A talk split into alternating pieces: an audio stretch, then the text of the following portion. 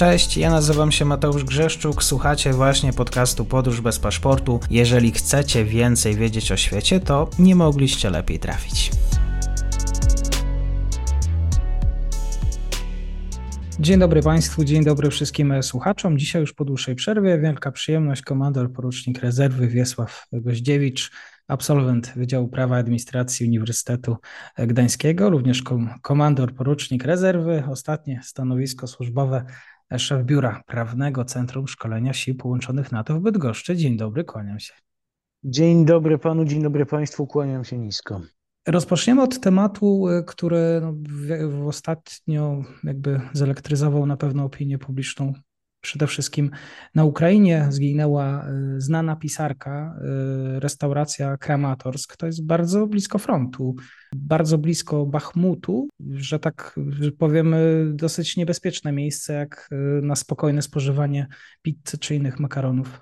To znaczy, wie pan, z informacji, które, które wyczytałem głównie z otwartych źródeł, z mediów społecznościowych bezpośrednio po tym zdarzeniu, wynikało, że był to lokal dość e, popularny wśród zagranicznych ochotników, wśród zagranicznych instruktorów ale również wśród e, wolontariuszy e, różnych organizacji międzynarodowych i humanitarnych. Natomiast przyciągał również prawdopodobnie uwagę e, dziennikarzy ze względu na możliwość chociażby porozmawiania z niektórymi z zagranicznych ochotników czy przedstawicielami organizacji zajmujących się wspieraniem Ukraińców E, w tym e, organizacji humanitarnych, organizacji poza, e, pozarządowych, ale okazało się, że w lokalu tym dość regularnie przybywali również żołnierze ukraińscy,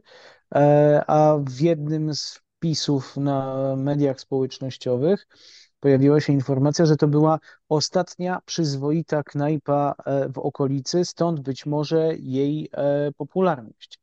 Aczkolwiek przylegała ona do e, hotelu, który według źródeł rosyjskich, niezweryfikowanych i właściwie nie do zweryfikowania, nie prowadził typowo komercyjnej działalności, tylko był niejako miejscem kwaterunku właśnie dla zagranicznych ochotników czy e, instruktorów e, byłych żołnierzy z państw zachodnich, którzy pomagali w szkoleniu wojsk ukraińskich. I z tego powodu też e, nie powinna dziwić e, dość e, poważna obecność tychże instruktorów czy, czy ochotników międzynarodowych w restauracji, która bezpośrednio do tego hotelu przylegała. Aczkolwiek podkreślam jeszcze raz, są to informacje ze źródeł rosyjskich, których nie jestem w stanie zweryfikować, jeżeli chodzi o E, formę funkcjonowania hotelu, do, do którego przylegała e, ta restauracja. E, natomiast dotarłem również za pośrednictwem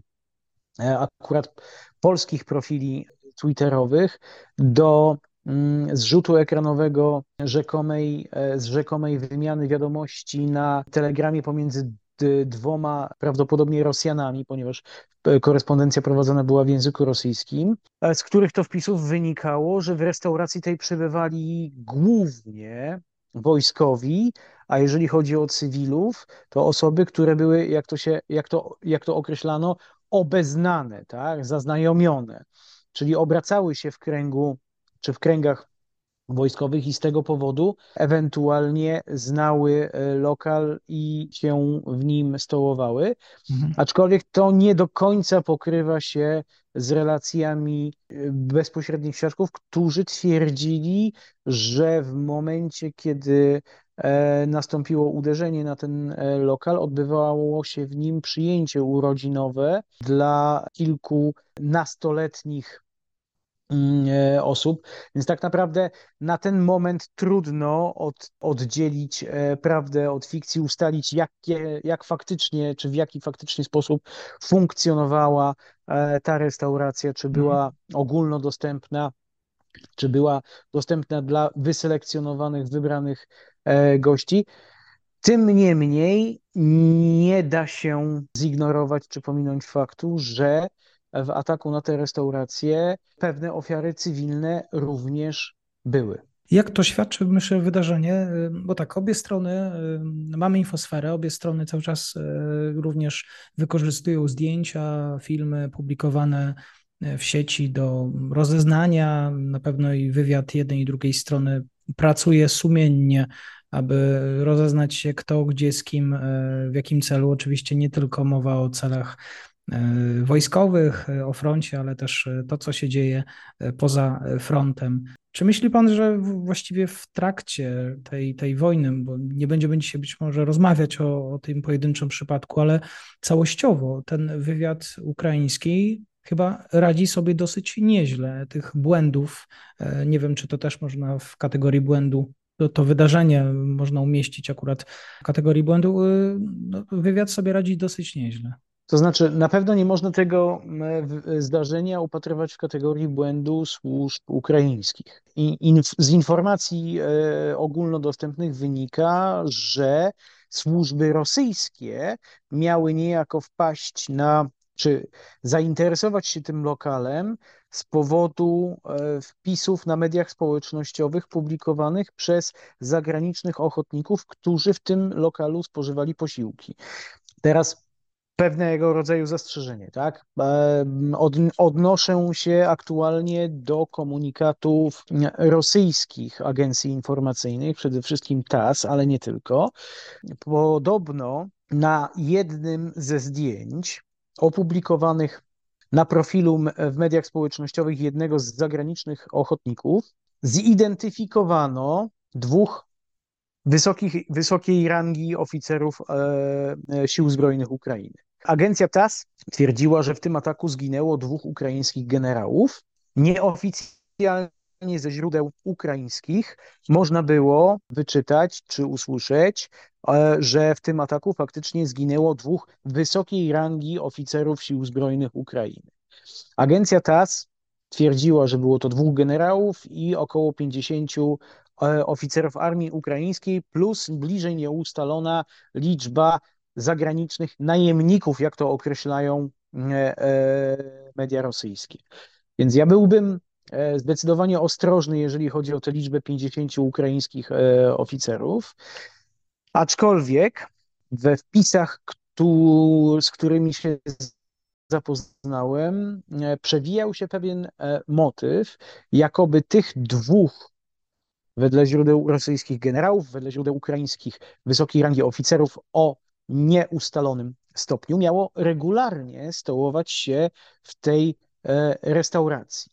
Więc jak już raz służby rosyjskie z powodu takiego zdjęcia wrzuconego do mediów społecznościowych zainteresowały się obecnością mm, tychże dwóch oficerów, zapewne zaczęły bliżej śledzić co się faktycznie w tym lokalu dzieje i być może analizować inne wpisy, czy wpisy z innych profili, które albo opatrzono geolokalizacją wskazującą na ten konkretny lokal, albo wręcz e, wskazano w nich nazwę tego, e, tejże e, restauracji.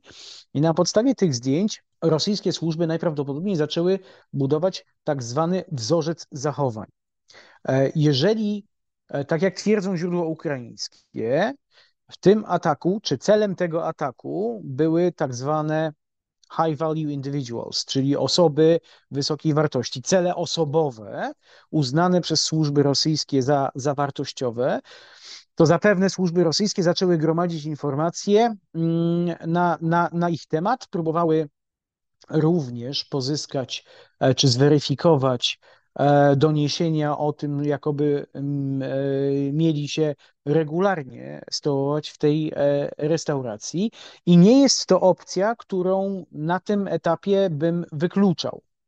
I już mówię dlaczego.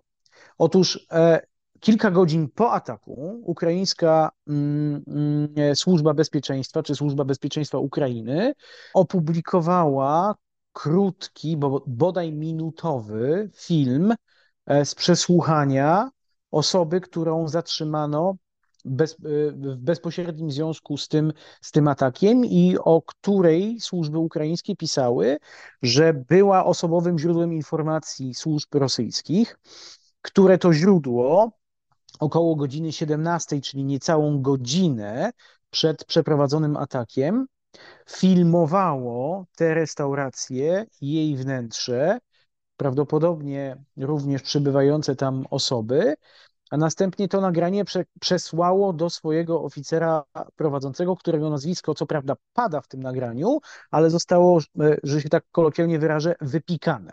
Natomiast kilkakrotnie w tym nagraniu pada, padają słowa o osobach cywilnych w tym lokalu. I teraz no, nie chcąc e, dezawuować tutaj działalności e, ukraińskich służb specjalnych, które no, e, pewnymi sukcesami się faktycznie wykazały w toku tej wojny, akcent, aczkolwiek chciałbym wskazać, że akcentowanie osób cywilnych w tym nagraniu przy pominięciu fragmentu, w którym osobowe źródło informacji mówi o tym, z jakiego powodu filmowało restaurację, czy kogo miało faktycznie sfilmować e, w tej restauracji, wskazuje na pewne działania informacyjne ze strony ukraińskich służb, mające na celu właśnie akcentowanie faktu, że w tymże ataku ucierpiały przede wszystkim osoby cywilne, a niejako pomijanie w narracji kwestii tego, że w tym lokalu przebywały osoby, które można było uznać za kombatantów, a zatem dozwolone cele wojskowe czy dozwolone cele e, osobowe. I dlaczego zwracam uwagę na obecność kombatantów? E, otóż bodaj trzy dni temu, kiedy jeszcze oficjalnie liczba ofiar cywilnych wynosiła 11 według e, źródeł ukraińskich, pojawił się komunikat amerykańskich mediów, że wśród tych 11 osób znajdowała się, znajdował się weteran Korpusu Piechoty Morskiej e, Stanów Zjednoczonych, który był członkiem Legionu Międzynarodowego i aktywnym uczestnikiem walk e, na Ukrainie, ale w chwili tegoż ataku przybywającym na czymś w rodzaju przepustki czy, czy, czy urlopu.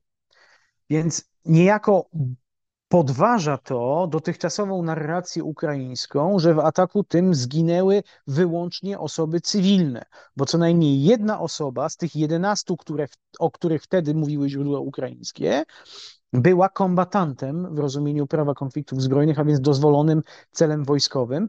Zatem nie tylko osoby cywilne przebywały w tym lokalu. I potwierdzeniem tego, że nie tylko osoby cywilne przebywały w tym lokalu, jest również relacja jednego z brytyjskich dziennikarzy, który stwierdził, że pod gruzami tej restauracji znajdowało się wiele osób e, w umundurowaniu i w kamizelkach kuloodpornych, co ewidentnie wskazywało na osoby w jakiś sposób zaangażowane w prowadzenie działań zbrojnych na Ukrainie, czy byli to zagraniczni ochotnicy, czyli byli to członkowie ukraińskich sił zbrojnych, trudno stwierdzić. Aczkolwiek jest kilka aspektów, o których może powiemy sobie za chwilę, bo już do, od dłuższego momentu mówię, które no, nie zgadzają mi się z oficjalną narracją strony ukraińskiej, że był to zamierzony atak na całkowicie cywilny obiekt, mający na celu zabicie jak największej ilości e, osób cywilnych, ale o powodach, dla których tak sądzę, może, może za chwilę, bo, bo widzę, że pan redaktor czeka z kolejnym pytaniem. Minęliśmy odpowiedź może to poprzednie, bo to daje pewne wnioski, jak możemy właściwie wysnuwać jakieś wnioski, jak pracuje rosyjski wywiad e, dzisiaj na froncie, bo mamy oczywiście ten czynnik e, ludzki. Rosjanie też mierzą się z problemami, bo są jednak to terytoria okupowane. Ukraińcy też, dost Ukraińcom dostarczane są informacje od ich własnych obywateli. Praca wywiadowcza na froncie nie jest dla Rosjan dosyć łatwym, y, łatwą pracą. Nie wiem, czy tutaj pan komandor się y, do tego odniesie. Znaczy, mm, zacznijmy od tego, że ja nie jestem specjalistą od mm, działalności stricte wywiadowczej e, czy, czy funkcjonowania służb specjalnych, aczkolwiek jak najbardziej funkcjonowanie rosyjskich, zwłaszcza wojskowych służb specjalnych w realiach wojny na Ukrainie jest zdecydowanie trudniejsze niż funkcjonowanie służb ukraińskich. Choćby z tego powodu, że strona ukraińska może względnie swobodnie korzystać z obywateli przebywających na obszarach okupowanych jako osobowych źródłach informacji, niekoniecznie polegając na bezpośrednich formach kontaktu.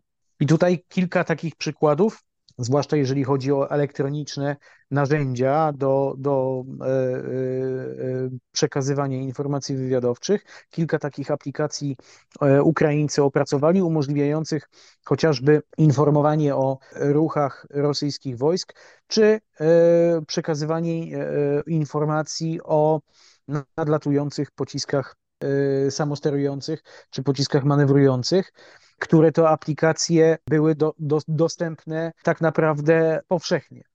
Więc tego typu e, dość innowacyjna metoda gromadzenia informacji e, wywiadowczych jest w pewnym sensie pionierską e, metodą, bo dotychczas mieliśmy do czynienia raczej z tym takim ikonicznym już nieco przykładem, gdzie w Afganistanie nastolatek czy wręcz starzec w bardzo podeszłym wieku obserwował E, ruchy kolumn, kolumn e, wojsk e, koalicyjnych czy ISAF, licząc pojazdy, a następnie sięgał po telefon komórkowy i dzwonił do, do lokalnego wataszki czy, czy dowódcy talibów, przekazując informacje o kierunku i liczbie, o kierunku przemieszczania się i, i liczbie, e, liczbie pojazdów. Tutaj mamy do czynienia wręcz z przekazywaniem mm, danych czy informacji w czasie rzeczywistym za pomocą e, tych, e, tych aplikacji. Jest to w pewnym sensie no, innowacja, jeżeli chodzi o gromadzenie informacji na potrzeby mm, działalności e, wywiadowczej. Ukraińcy, bo sukcesy ukraińskich służb specjalnych nie są wyłącznie sukcesami ukraińskich służb specjalnych. Mhm. No bądźmy bądźmy realistami, Ukraińcy otrzymują dość szeroki strumień danych wywiadowczych. Ja nie mówię już o surowych informacjach, ja mówię o przetworzonych, przeanalizowanych danych wywiadowczych pochodzących z państw zachodnich, w tym tak zwanej wspólnoty pięciorga oczu. Do, dostęp do tych danych, mm, jak, jak, jakim e, cieszą się Ukraińcy, byłby jeszcze te 10 lat temu w Afganistanie obiektem zazdrości naszych służb wywiadowczych funkcjonujących przy, przy polskim kontyngencie wojskowym, bo te dane płyną tak naprawdę no, niemalże nieograniczonym strumieniem. I mówimy tutaj o danych y, klauzulowanych y, w najwyższy możliwy sposób, bo pochodzących chociażby z amerykańskich źródeł rozpoznania elektronicznego, czy wywiadu elektronicznego, które są no, najbardziej wrażliwe i, i najbardziej pożądane.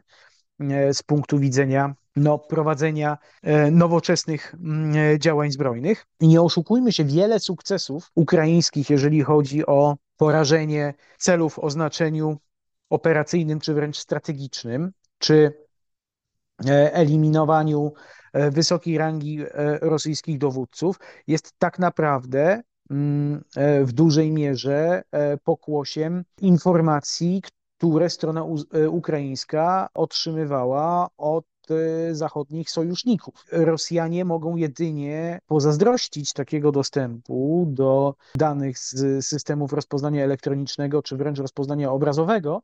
Wielokrotnie pisałem e, i mówiłem o tym, że jeżeli chodzi o wywiadowcze wsparcie tak zwanego targetingu, to Rosjanie pozostają daleko w tyle za Ukraińcami, ale to nie dlatego, że Ukraińcy posiadają e, tak świetnie rozwinięte organiczne zdolności w tym zakresie, tylko dlatego, że w dużej mierze korzystają z danych czy informacji zebranych przeanalizowanych i przetworzonych w dane wywiadowcze przez służby tej wspólnoty pięciorga oczu, czyli Stanów Zjednoczonych, Kanady, e, Wielkiej e, Brytanii, e, Nowej Zelandii i Australii. Zwłaszcza jeżeli chodzi o rozpoznanie obrazowe, czy, czy rozpoznanie elektroniczne, co jest na współczesnym polu walki niezmiernie istotne. Aczkolwiek Rosjanom należy oddać jedno. Bardzo skutecznie, przynajmniej jeszcze do zeszłego roku, infiltrowali ukraińskie siły zbrojne, a nawet ukraińskie służby specjalne. Więc jeżeli chodzi o rozpoznanie osobowe, czy, czy ten wywiad osobowy albo human, human in, in intelligence a, i, i, źródła osobowe, e, czy osobowe źródła informacji, to Rosjanie mieli tę sieć e, tych źródeł osobowych e, no, ogromną. Stopień infiltracji ukraińskich służb, zwłaszcza po 2014 roku, kiedy faktycznie zaczęto się temu bliżej e, przyglądać, był wręcz porażający. E, natomiast systematycznie służby ukraińskie się z tych tak zwanych kretów czy, czy śpiochów oczyszczały, aczkolwiek jak pokazał przykład zdobycia Hersonia, nie udało się to w 100%, bo tam zadziałał rosyjski kret będący E, szefem odeskiej chyba delegatury Służby Bezpieczeństwa Ukrainy, dzięki którego działalności e, udało się Rosjanom wejść do Hersonia. To właściwie było jedyne miasto obwodowe, które Rosjanom udało się e, zająć w trakcie tej agresji, przynajmniej na, na początku zeszłego roku. Nie bagatelizowałbym rosyjskich zdolności, możliwości, ale przede wszystkim zasobów, jeżeli chodzi o osobowe źródła mm, informacji na Ukrainie. Tym bardziej, że ostatnimi czasy e, Rosjanom udało się porazić, skutecznie porazić dość istotne cele położone na głębokim zapleczu ukraińskim. Były to cele głównie mm, związane z zapleczem logistycznym, e, magazyny amunicji, duże e, węzły komunikacyjne czy punkty zborne ukraińskich sił zbrojnych, czy, czy ośrodki logistyczne, a nawet, bo pojawiały się takie nieco prześmiewcze komentarze, że e, Rosjanie zbombardowali zakład wul wulkanizacyjny e, w pobliżu e, Kramatorska. A okazało się, że w tym zakładzie wulkanizacyjnym dość skutecznie funkcjonowały polowe, polowe warsztaty remontowe zajmujące się remontem ukraińskich transporterów opancerzonych. Więc skąd Rosjanie mieli informacje o tego typu celach? No oczywiście, że ze źródeł osobowych, bo rozpoznanie obrazowe w Rosji kuleje i to od, od, właściwie od zawsze. Rosjanie nie mają takiej ilości satelitów rozpoznania obrazowego, czy, a, a już w ogóle satelitów wyposażonych w, w, w radary SAR, czyli o, o syntetycznej aperturze, żeby byli w stanie e, terytorium Ukrainy w ten sposób e, rozpoznawać robią pewne postępy, jeżeli chodzi o rozpoznanie elektroniczne, zwłaszcza jeżeli chodzi o rozpoznanie sygnałowe. Zresztą dzięki środkom rozpoznania e, e, sygnałowego czy, czy, czy SIGINT-u mm, e, udało się im wyeliminować Asłana Maschadowa dwadzieścia parę lat temu, ale jeżeli chodzi o rozpoznanie obrazowe czy szersze rozpoznanie e, elektroniczne czy, czy wywiad elektroniczny, to niestety e, rosyjskie zdolności w tym zakresie są są daleko mniejsze niż zachodnie, aczkolwiek częściowo kompensowane są siatką czy, czy rozpoznaniem agenturalnym i widać, że czasami przynosi to dość, dość przykre dla, dla, dla Ukraińców rezultaty w postaci skutecznych ataków ataków na, na kluczowe z punktu widzenia ukraińskiej e, logistyki obiekty. To jest również ważne w kontekście trwającej ofensywy. Ukraińcy do, są dosyć oszczędni, jeżeli chodzi o materiały, zdjęcia, też informacje z frontu. Czy e, pana rozumiem, to nie dziwi? Znaczy, wie, wie, pan, mnie nie dziwi ta, e, to embargo informacyjne po stronie ukraińskiej i to z kilku powodów. Po pierwsze, dlatego, że oficjalnie czy z oficjalnych źródeł w dalszym ciągu, e, z oficjalnych źródeł ukraińskich nie jesteśmy w stanie dowiedzieć się, jaki jest ten zasadniczy kierunek ukraińskiej kontrofensywy. Można się domyślać. E, z kilku względów można się domyślać, że, że byłby to kierunek zaporowski, bo e, biorąc pod uwagę pewną hipotezę, którą postawiłem chyba w połowie maja tego roku. Przecięcie kluczowych węzłów komunikacyjnych umożliwiających zaopatrywanie Krymu drogą lądową mogłoby stanowić mm, swego rodzaju kartę przetargową przy ewentualnych pertraktacjach między Ukrainą a Rosją jeśli chodzi o ewentualne e, zawieszenie e, broni, czy ewentualnie trwalsze porozumienie pokojowe, ponieważ gdyby udało się odciąć mm, Krym od zaopatrzenia lądowego, mm, a ja wskazywałem na kilka takich kluczowych e, punktów, między innymi Aleszki w obwodzie hersońskim, które no niestety na, na ten moment nie wchodzą w grę z, z powodu E, z powodu zalania tych terenów po, po e, przerwaniu e, zapory w Nowej Kachowce. Wskazywałem na Mariupol, tylko że Mariupol jest stosunkowo odległym punktem, ale wskazywałem też na Melitopol i Tokmak. I to są dwa miejsca, w których krzyżują się zarówno drogowe, jak i kolejowe szlaki komunikacyjne, którymi Rosjanie póki co jeszcze zaopatrują e, Krym e, drogą lądową. E, nie oszukujmy się, o przecięcie tych, tych węzłów komunikacyjnych nie oznaczać będzie całkowitego odcięcia Krymu od zaopatrzenia, natomiast zdecydowanie skomplikuje sytuację, było nie było sporego garnizonu rosyjskiego przebywającego na Krymie i to garnizonu, który w ostatnich tygodniach no, powiększył się, zwłaszcza jeżeli chodzi o Mm, o, o komponent y, lotniczy. Natomiast dojście do pewnych kluczowych punktów, tych węzłów komunikacyjnych, o których wspominałem, oznaczałoby również dla Ukraińców możliwość przesunięcia niejako baz operacyjnych ich samolotów e, bombowych Su-24 przystosowanych do przenoszenia pocisków Storm Shadow bliżej obiektów na Krymie. I powiem więcej, niektóre z krymskich miast, takie jak chociażby Symferopol, znalazłyby się już w tym momencie w zasięgu pocisków Storm Shadow. Więc e, baza w Symferopolu, y, to znaczy tak, Symferopol jest po pierwsze dużym miastem, po drugie pobliżu znajduje się dość duża baza rosyjskiego lotnictwa, a po trzecie znajdują się tam też dość ważne z punktu widzenia Rosji zakłady przemysłowe. Wejście Symferopola w zasięg pocisków Storm Shadow oznaczałoby dla Rosjan no, spore, spore kłopoty. Teraz wyobraźmy sobie sytuację, w której e, lądowe drogi zaopatrzenia na Krym zostały przycięte.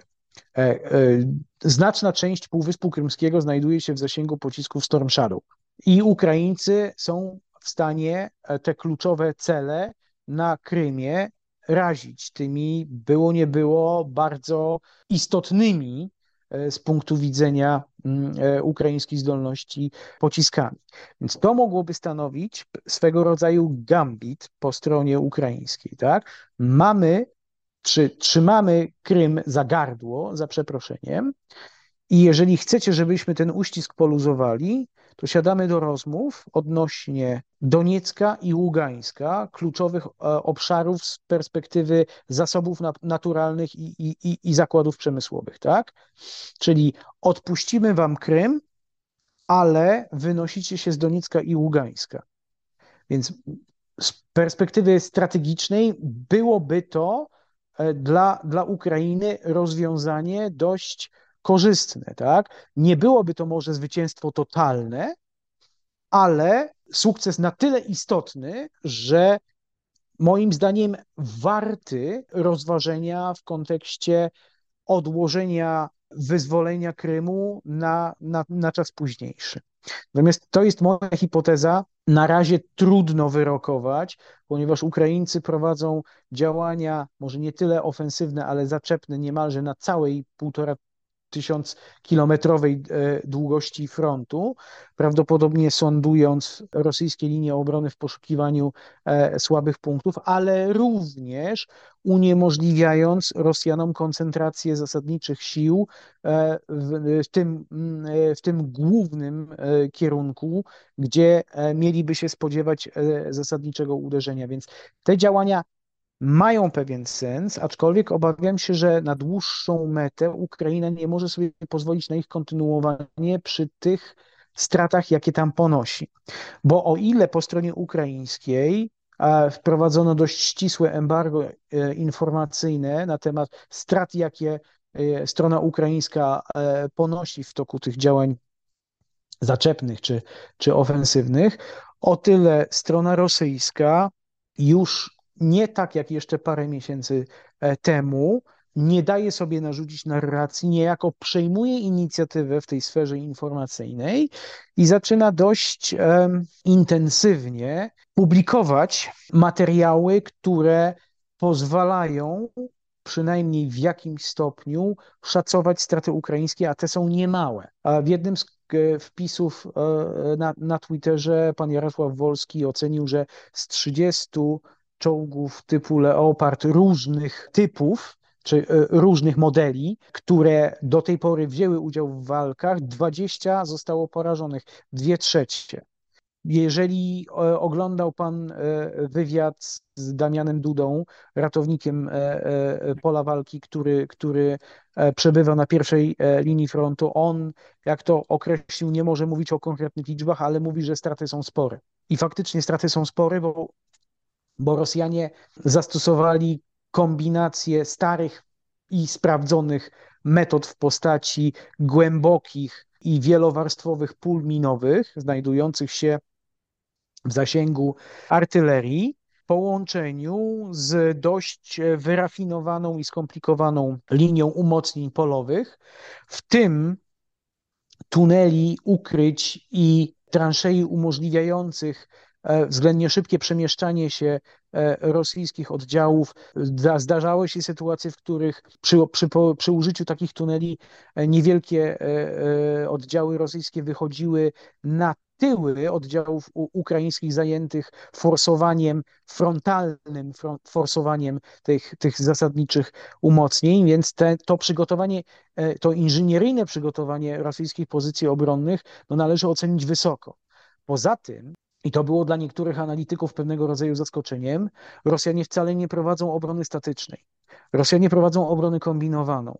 W oparciu o te umocnienia e, polowe, w oparciu o te, o te fortyfikacje, prowadzą również dość intensywną obronę e, manewrową, wspieraną coraz silniejszymi e, działaniami lotnictwa frontowego. Więc Tutaj widać pewnego rodzaju kombinowane podejście e, Rosjan do tych, do tych działań obronnych, które nie są obronne w tym klasycznym tego słowa e, e, rozumieniu. Mało tego, Rosjanie w kilku miejscach frontu wyprowadzają niewielkie w skali, co prawda, ale jednak kontruderzenia, zmuszając stronę ukraińską do modyfikacji jej zamiarów i kierowania części oddziałów nie na główne kierunki działań e, zaczepnych ukraińskich, ale właśnie e, tam, gdzie, gdzie e, inicjatywę przejmują Rosjanie. Bachmut jest również przykładem tego, jak Rosjanie potrafią, no nie, co prawda dużym kosztem, jeżeli chodzi o życie swoich żołnierzy, ale wiązać spore siły e, ukraińskie e, i prowadząc dość, można by powiedzieć, desperacką obronę obronę w cudzysłowie oczywiście, bo są, są okupantami w Bachmucie, tak? Ale wyparli Ukraińców z Bachmutu, teraz, teraz się tam bronią, prowadząc dość desperackie działania obronne w Bachmucie, kupili sobie czas niezbędny na przygotowanie przynajmniej pierwszej czy jednej linii umocnień, w oparciu o które teraz i bronią się jeszcze skuteczniej, wiążąc, wiążąc e, siły ukraińskie, a jednocześnie zaczęli dość, mm, nazwijmy to, w zachodnim stylu wykorzystywać swoje lotnictwo, prowadząc tak zwane e, kombinowane operacje lotnicze albo COMEO, Composite Air, e, Air Operations, gdzie grupy samolotów dedykowanych do różnych zadań generalnie realizują czy prowadzą operacje wspólnie, niszcząc czy obezwładniając środki obrony przeciwlotniczej e, ukraińskiej, wiążąc ukraińskie e, myśliwce e, walką, żeby umożliwić samolotom uderzeniowym odpalenie ich pocisków na, na, na wskazane cele. Głównie, jeżeli chodzi o stronę ukraińską, są to obiekty zaplecza logistycznego, magazyny amunicji, składy paliw itd. Tak itd. Tak I ta taktyka rosyjska, no, pewne wymierne e, skutki przynosi, o czym zresztą w niedawnym wywiadzie e, mówił pan e, generał Załużny. Ukraina pozbawiona przewagi w powietrzu musi w pewnym sensie improwizować i czyni to jednych rejonach frontu bardziej skutecznie, w innych niestety mniej, bo zdarzały się przy, przypadki, w których działania na zachodnim sprzęcie prowadzono w starym sowieckim stylu z opłakanymi dla, dla strony ukraińskiej e, skutkami. Więc e, na, na ten moment powiedziałbym, że, że sytuacja na froncie jest raczej patowa. Nie widać, żeby którakolwiek ze stron w sposób wyraźny przejęła mm, e, inicjatywę, a postępy ukraińskich działań zaczepnych na ten moment są dość e, ograniczone i okupione e, no, poważnymi stratami. Więc Trzeba po prostu uzbroić się w cierpliwość, ponieważ ja nie spodziewam się w najbliższych dniach jakiegoś zdecydowanego przełomu. Mhm. Ani z jednej, ani z drugiej strony.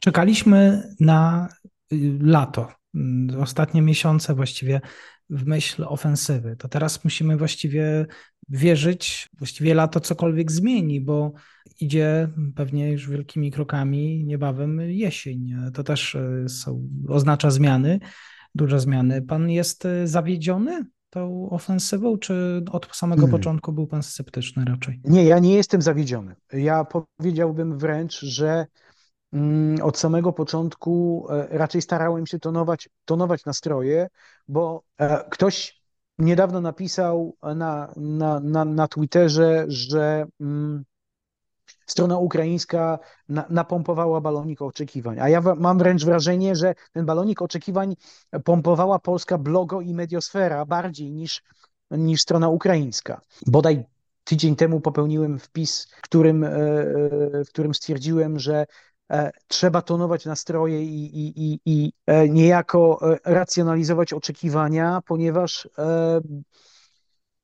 jak to zresztą niedawno e, przyznał pan Michajło Podolak, no Ukraińcy w żadnym z kluczowych obszarów nie dysponują przewagą nad stroną rosyjską. Ani w ludziach, ani w sprzęcie, ani tym bardziej, jeżeli chodzi o, o, o, o operacje powietrzne.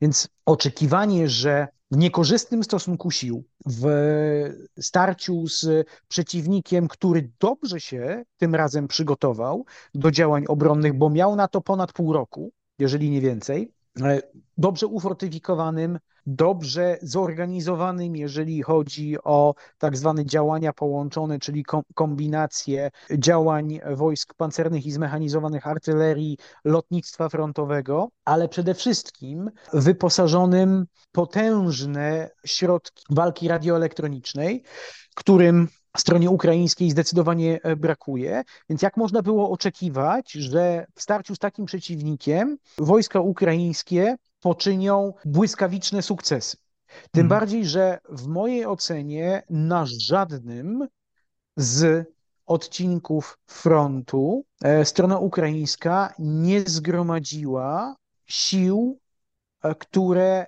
nawet dorównywałyby pod względem liczby żołnierzy siłom rosyjskich, ros, rosyjskim, przepraszam. E, w najlepszym przypadku, w mojej ocenie, możemy mówić o stosunku 3 czwarte do 1, właśnie na odcinku zaporowskim, i dlatego też uważam i w dalszym ciągu, że jest to, że jest to ten zasadniczy kierunek e, e, działań ukraińskich, chociaż przed, przed przerwaniem tamy w Nowej, w Nowej Kachowce pokusiłbym się e, również o, o działania ofensywne właśnie w kierunku, na, na, na, kierunku hersońskim dla przecięcia jednego z kluczowych węzłów, węzłów drogowych właśnie, e, właśnie w Aleszkach, e, ale warunki to, to uniemożliwiły, więc tej sytuacji myślę, że ten kierunek zaporowski, Tokmak, a następnie, a następnie Melitopol będzie tym, tym zasadniczym, aczkolwiek nie zdziwię się, zwłaszcza po tym, jak generał Załużny niejako wrócił z niebytu i dał wyraźnie do zrozumienia, że on teraz przejął stery, że zaskoczy nam, nas jakimś, jakimś nie, niespodziewanym manewrem, aczkolwiek po raz kolejny tonowałbym nastroje i, i, i racjonalizował oczekiwania, zwłaszcza, że te sześć tygodni dotychczasowej ukraińskiej e, ofensywy, ofensywy nie obyło się bez kosztów po stronie e, ukraińskiej, więc może potrzebne będzie kilka, kilkanaście dni na reorganizację i przegrupowanie, zanim ewentualnie zobaczymy ten e, zaskakujący czy nieoczekiwany manewr zaplanowany przez generała Załużnego. Tym niemniej, ja wychodzę z założenia, że lepiej e, dać się pozytywnie zaskoczyć niż rozczarować. Więc lepiej mieć racjonalne i, i stonowane, wyważone oczekiwania i zostać e, pozytywnie zaskoczonym, niż poprzeczkę oczekiwań postawić niezmiernie wysoko i potem narzekać na to, że, e, że strona ukraińska e, tych oczekiwań nie była w stanie spełnić. Mhm. No ostatnio pojawiły się komunikaty o dwóch kilometrach e, postępów, to zawsze lepiej niż 200 metrów. Znacznie lepiej to wygląda. Dokładnie tak, aczkolwiek być może w okolicach Robotnego Ukraińcom udało się osiągnąć tą tę, tę pierwszą zasadniczą linię obrony rosyjską, aczkolwiek na innych odcinkach frontu obawiam się, że w dalszym ciągu znajdują się w tak zwanym pasie przesłaniania i do tej pierwszej zasadniczej linii nie dotarli, a przyjęta przez, przez Rosjan taktyka, no na, nazwę to brutalnie, wykrwawiania dosłownie i w przenośni e, wojsk ukraińskich, zwłaszcza przy użyciu tych kombinowanych pól minowych, gdzie stosuje się i miny przeciwpiechotne, stawiane ręcznie, i miny przeciwpancerne stawiane ręcznie, i minowanie narzutowe, zarówno minami przeciwpancernymi, jak i no, niesławnymi minami typu PFM-1, które rozrzucane są z pocisków kasetowych i których ofiarami padło już wielu ukraińskich żołnierzy. Tym bardziej, że to nie jest tak, że jak raz strona rosyjska postawiła pole minowe i obrzuciła je potem minami narzutowymi, to już potem nic nie robi. Zdarzały się sytuacje, że na E, nacierające ukraińskie oddziały spadała kolejna fala min narzutowych, powodując y, jeszcze większe e, straty, więc, e, więc Rosjanie dość dobrze się do, do, do tej obrony przygotowali. I tu teraz też pewnego rodzaju zaskoczenie, niestety negatywne, jeżeli chodzi o te e, taktyczne środki rozpoznania obrazowego, zwłaszcza, e, zwłaszcza wszelkiego rodzaju e, bezpilotowce, no strona rosyjska poczyniła znaczne postępy w porównaniu do tego, co, co obserwowaliśmy jeszcze te 8-9 miesięcy, miesięcy temu. Zresztą kilkakrotnie pisał o tym pan pułkownik Korowa, jak ten system czy ten kompleks rozpoznawczo-uderzeniowy zaczyna, zaczyna wreszcie działać jak należy po stronie rosyjskiej i widzimy tego e, efekty. E, taka dygresja odnośnie, mm, odnośnie e, tej nieszczęsnej pizzerii w Kramatorsku.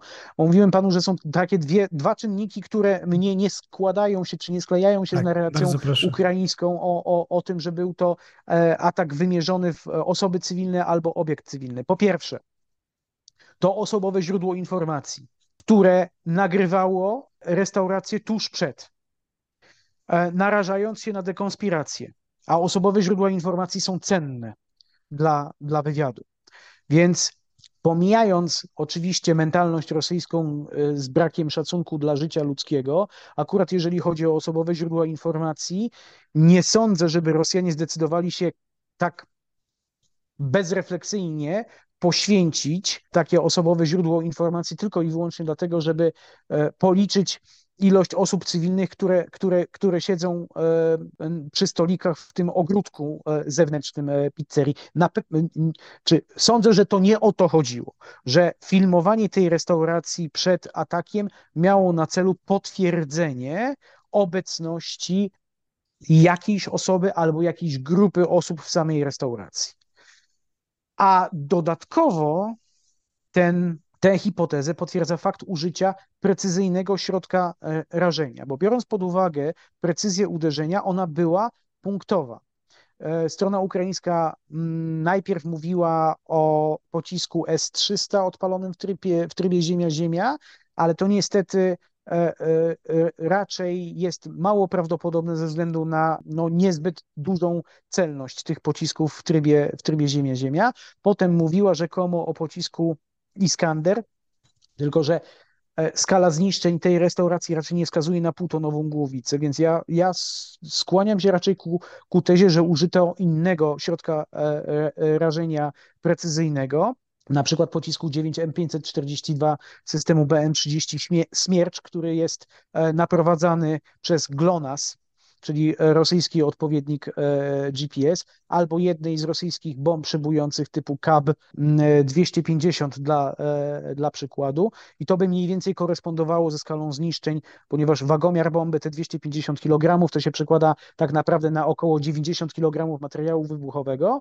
Z kolei pocisk 9M542 systemu Smierć przynosi około 70 kg materiału wybuchowego, więc byłaby to mniej więcej porównywalna ilość materiału wybuchowego i moim zdaniem zdaniem taka ilość koresponduje ze skalą zniszczeń w tej restauracji. Więc użycie precyzyjnego środka rażenia, wykorzystanie osobowego źródła informacji wskazuje na to, że Rosjanie mieli konkretny cel zidentyfikowany i potrzebowali potwierdzenia identyfikacji tego celu. Czy to była jedna osoba, czy to była grupa osób przybywających w tej restauracji, tego nie wiemy i tego zapewne się nie dowiemy, aczkolwiek poddaje w wątpliwość oficjalną e, linię ukraińską, że celem było spowodowanie po prostu jak największej ilości ofiar cywilnych, bo można by było tego dokonać znacznie mniejszym nakładem sił i środków, na przykład przy użyciu pocisku H-22 z półtonową głowicą, którego precyzja, jak wiadomo, w atakach na, na, na, na cele naziemne jest, jest niezbyt wysoka, ale skala zniszczeń byłaby jeszcze większa, ofiar cywilnych najprawdopodobniej byłoby jeszcze więcej, a trud niezbędny dla, mm, dla odpalenia takiego pocisku z głębi rosyjskiego terytorium, czyli zdecydowanie spoza zasięgu oddziaływania jakichkolwiek e, środków obrony przeciwlotniczej e, ukraińskiej, byłoby zdecydowanym ułatwieniem dla strony rosyjskiej. Moim zdaniem tu chodziło o to, żeby ten pocisk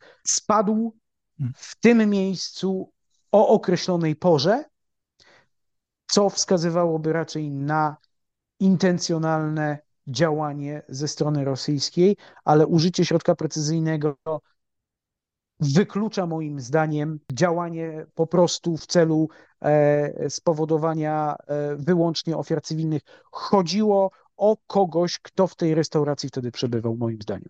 Tak jest. Bardzo dziękuję, komandor Porosznik. Dziękuję uprzejmie. Pan kłaniam się. Ja również. Dziękuję panu, dziękuję państwu.